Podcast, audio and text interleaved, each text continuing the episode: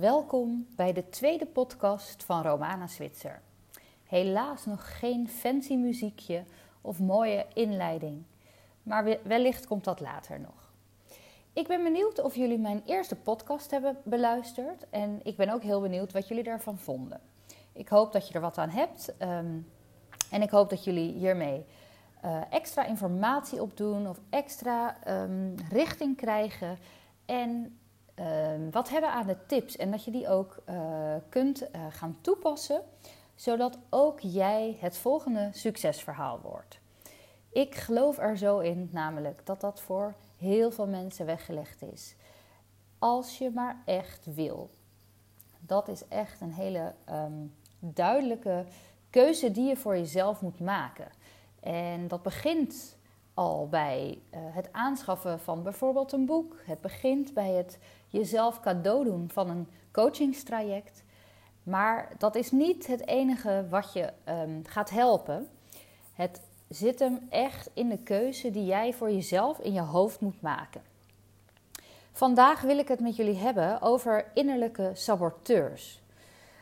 Dat is iets wat ik bij heel veel mensen tegenkom. En natuurlijk herken ik dat van mezelf ook. Uh, we hebben ze allemaal.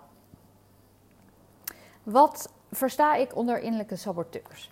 Nou, we hebben er echt honderden duizenden. We kunnen er echt um, van alles verzinnen. Het zijn eigenlijk de stemmen in je hoofd die jou excuses geven om iets niet te doen.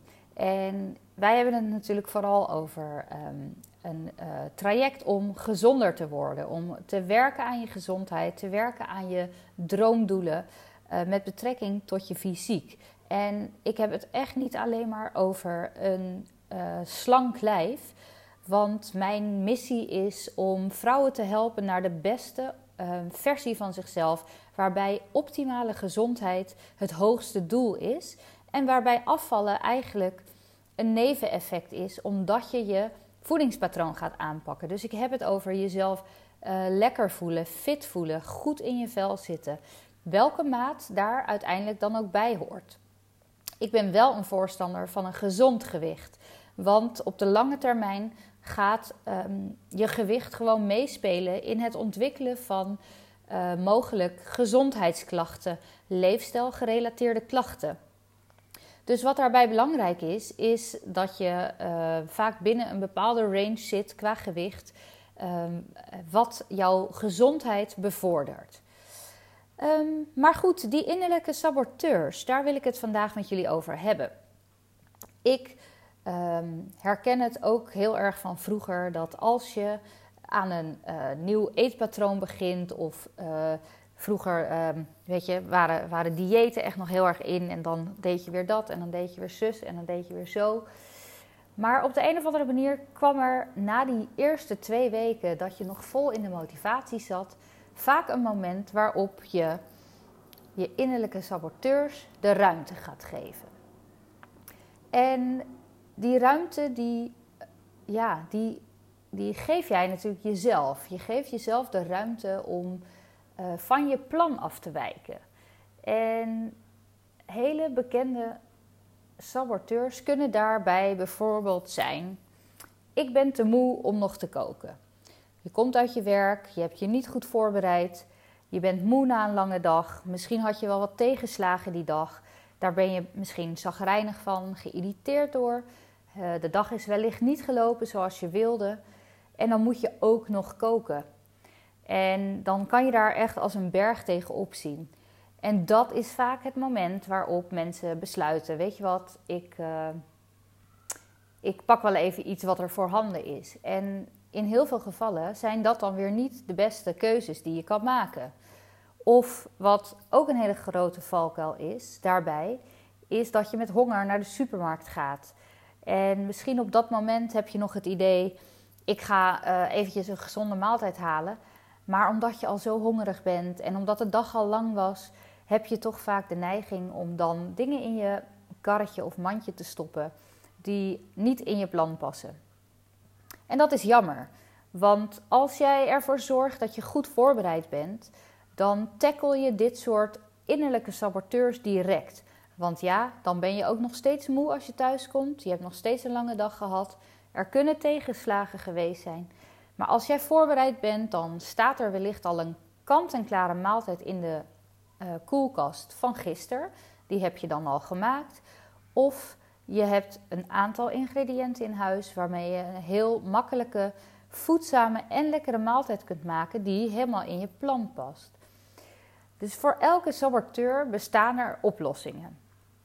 Ehm, wat nog meer een hele grote saboteur is, is überhaupt: ik ben te moe om goed voor mezelf te zorgen. Dat is vaak, weet je, vaak benoemen we het niet in die woorden, maar dat is dus vaak de uitkomst uh, die er achteraan gaat. Want goed voor jezelf zorgen is jezelf gunnen dat je voorbereid bent. Dat je dus niet ad hoc keuzes hoeft te maken die niet passen in Ehm, het plan wat je graag wil volgen, die jou naar je doelen brengt. Of een andere innerlijke saboteur is, ja, eentje, één chocolaatje, één koekje, één ijsje, eentje dit, eentje dat, eentje zo. Dat kan toch wel? Natuurlijk ben ik ook een voorstander van ehm, af en toe balans creëren. Af en toe iets nemen wat, ehm, wat buiten je plan valt. Dat hoort bij het leven. Maar kan jij het echt bij eentje laten? En hoe vaak neem je er dan eentje? Is dat elke dag? Is dat in het weekend? Is dat elke maand? Het is best wel goed om voor jezelf dingen af te kaderen. Als jij het er bij één kan laten, dan zal dat geen probleem vormen voor jouw uh, plan. Maar als jij elke dag van iets één neemt wat niet binnen je plan past, dan telt het toch wel weer op. En dan heb je aan het eind van de week zeven chocolaatjes, zeven ijsjes, zeven stukjes staart genomen. En dan ga je het echt merken. Dat is ook een innerlijke saboteur. Want kunnen we het bij eentje laten? Uh, de oplossing is inderdaad: ga het voor jezelf kaderen. Spreek met jezelf af. Ik neem één van iets wat ik graag wil in het weekend.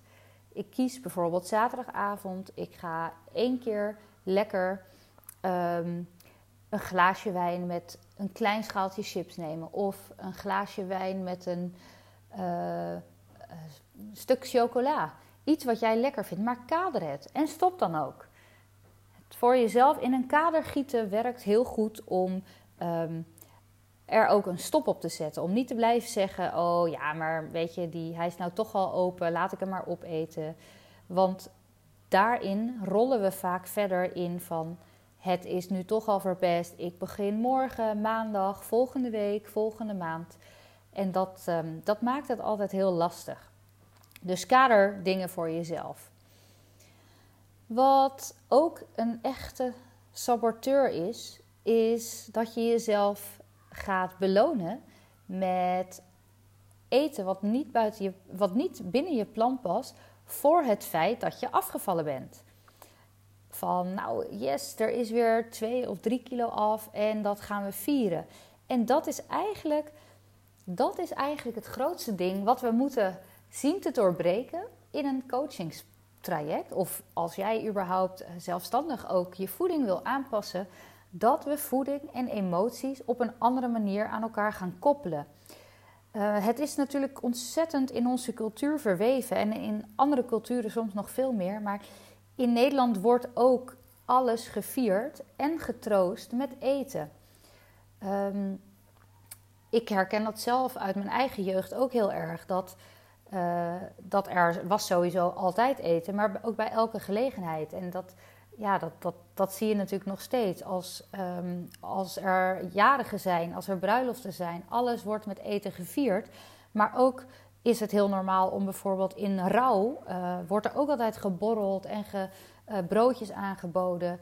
Um, dus we hebben al van heel jongs af aan, wordt eten gekoppeld met een beloning. En Uiteraard is dat iets wat echt al gebeurt vlak na de geboorte. We voelen ons niet lekker, we hebben buikpijn, we gaan huilen als baby en we worden aan de borst gelegd. Daar begint natuurlijk al een band met ehm, ja, voeding en uh, in relatie tot hoe we ons voelen.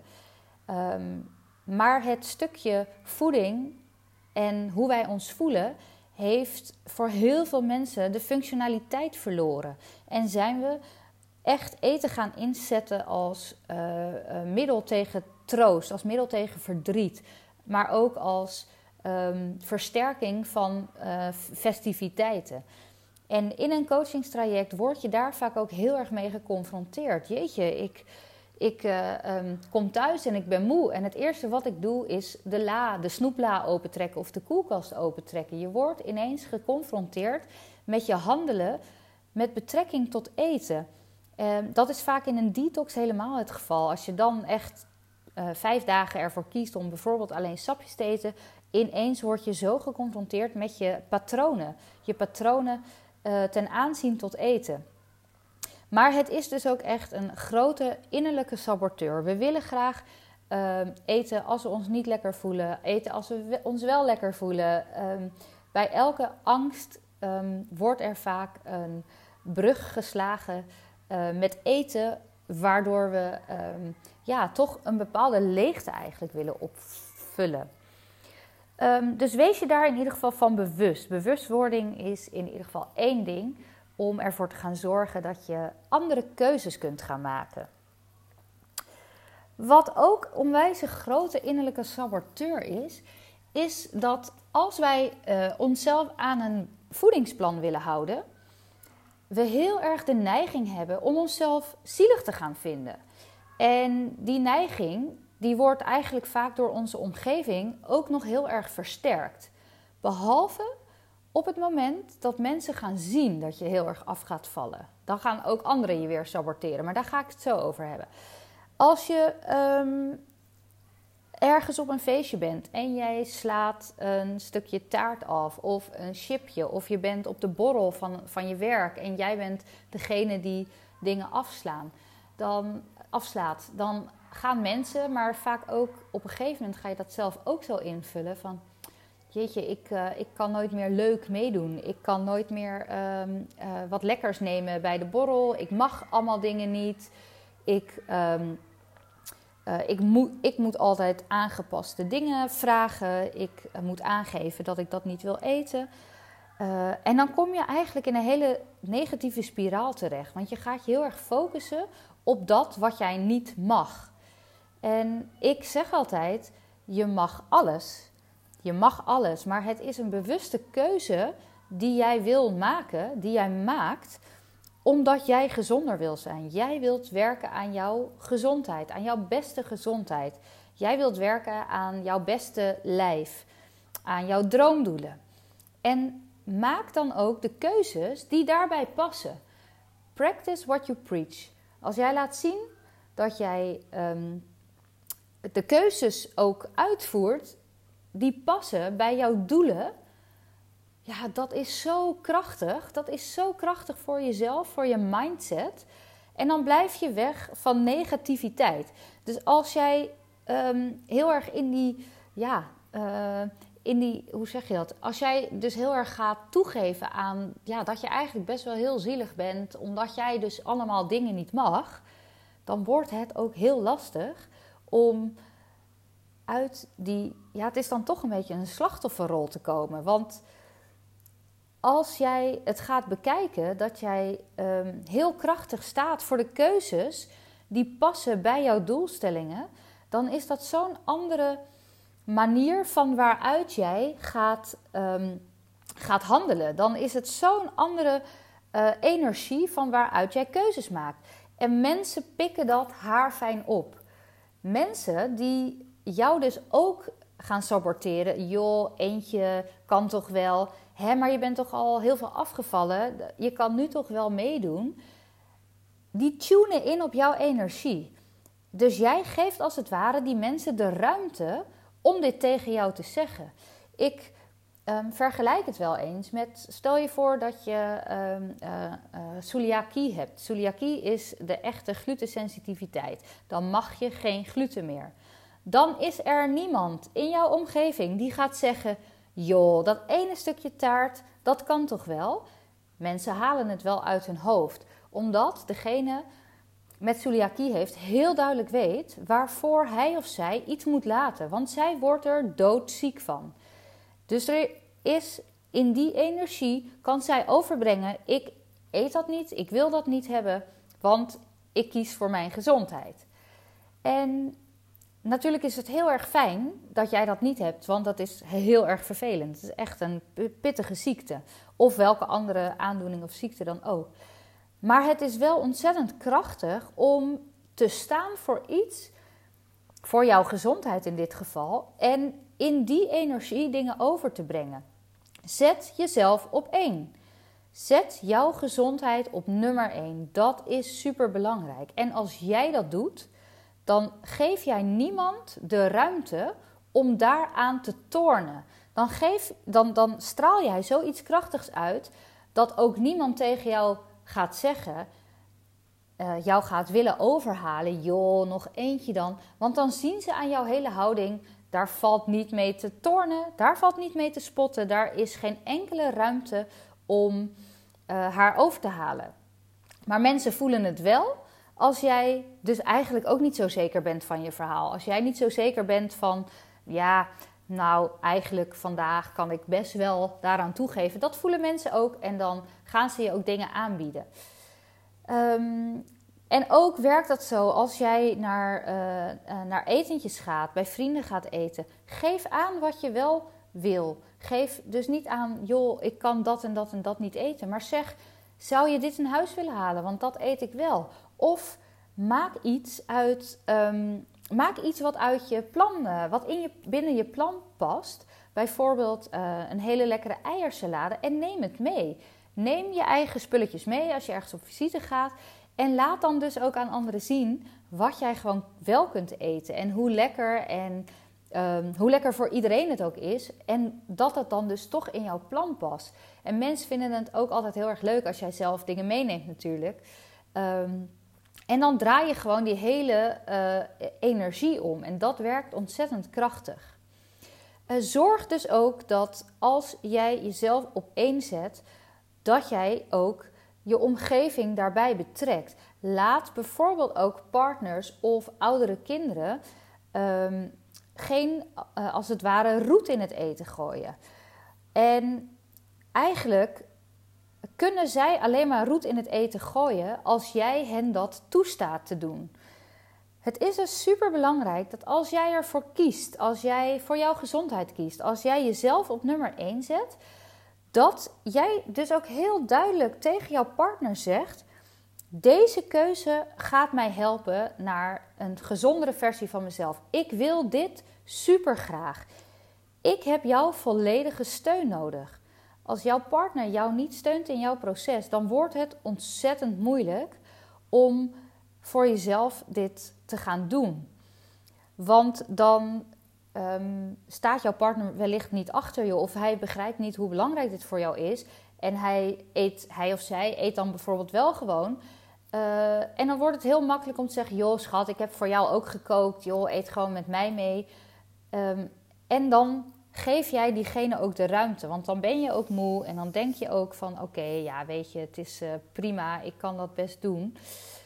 Maar zodra jij echt gaat staan voor jouw doel en zodra jij die overtuiging in jezelf zo duidelijk hebt dat jij dat echt wilt, laat het ook weten aan je partner. En dan zal jouw partner ook alle steun aan jou geven die jij van hem verlangt als jij zo duidelijk laat merken, ik kies hier helemaal voor, ik heb jouw steun nodig, dan, ehm, dan zal je partner ook echt jou die steun gaan geven. Maar je moet jezelf heel duidelijk uitspreken, omdat een partner ook anders onbewust een ontzettende uh, saboteur kan gaan zijn. En dat, uh, nogmaals, dat gebeurt vaak heel onbewust. Maar wees je daar bewust van. Dus zorg dat jij in jouw proces um, ervoor ja, uh, duidelijk hebt en ervoor zorgt wat jij nodig hebt. Um, wat nog meer um, heel goed werkt bij innerlijke saboteurs, is dat je uh, ervoor zorgt dat je die saboteurs uitschakelt. Um, wat wat heel erg uh, werkzaam is, is als jij merkt dat je innerlijke saboteurs naar boven komen, dat je je daar bewust van bent. Die bewustwording is stap 1. Wat ook heel goed helpt, is om je eigen innerlijke saboteurs op te schrijven. Dat is even heel confronterend, maar dan heb je een lijstje met de excuses die je voor jezelf opwerpt en gebruikt. En als je dat lijstje duidelijk en helder hebt, zou je ze ook aan je partner of ehm, nou ja, kinderen, weet ik niet of je dat zou doen, maar je zou ze ook aan je partner kunnen laten lezen en ook kunnen zeggen: Ik heb hier hulp bij nodig. Want deze komen op zo once in a while en dan heb ik ook jouw hulp nodig. En als je partner dan ook jou helpt op die momenten, word dan niet boos, maar weet dat hij dus uit liefde jou helpt in jouw proces. En natuurlijk kunnen mannen of vrouwen echt wel eens bot doen. Schatje, zou je dat nou wel doen? En dat je echt denkt op dat moment, hou je mond. Want dat willen we soms helemaal niet horen. Maar weet dat dat uit liefde is. Weet dat dat uit jouw eigen hulpvraag naar voren komt. En, en besef je ook hoe lief dat dan is, dat je partner je daar ook mee wil helpen. Wat ook heel erg werkt bij je innerlijke saboteurs, is om een soort preventieplan te hebben. Schrijf een lijstje op wat jou gaat helpen als jouw innerlijke saboteurs naar boven komen. Afleiding is key. Afleiding is de sleutel tot het onderuit um, trappen, hoe zeg je dat? Het onderuit halen van je innerlijke saboteurs. Zoek afleiding, zorg dat je wat anders gaat doen en geef die innerlijke saboteurs niet de ruimte. Ga, wat voor mij echt altijd heel goed werkt, is de was doen. Uh, dan ben ik weg uit de keuken, dan ben ik op zolder, dan ben ik vaak zo 20 minuten verder. En dan um, is je innerlijke saboteur gedoofd. Dat uh, werkt gewoon heel goed. Maar schrijf ook een lijstje op uh, die jou kunnen helpen op momenten dat die innerlijke saboteurs omhoog komen. Nou, ik ben heel benieuwd of jullie uh, het herkennen. Of jullie ook innerlijke saboteurs hebben. Hoe jullie daarmee omgaan. En um, ja, hebben jullie daar nog vragen over of andere tips? Heb je nog andere um, uh, onderwerpen die je heel graag uh, besproken zou willen hebben? Laat mij dat vooral weten en dan kan ik uh, daarop inspelen. Ik ben heel benieuwd naar jullie behoeftes en um, ja, zodat ik aan die vraag kan voldoen. Ik hoop dat jullie met veel plezier um, geluisterd hebben, dat jullie wat aan de tips en tools hebben. En ik hoop dat jullie de volgende keer weer luisteren naar een nieuwe podcast. Bedankt voor het luisteren. Doei doei!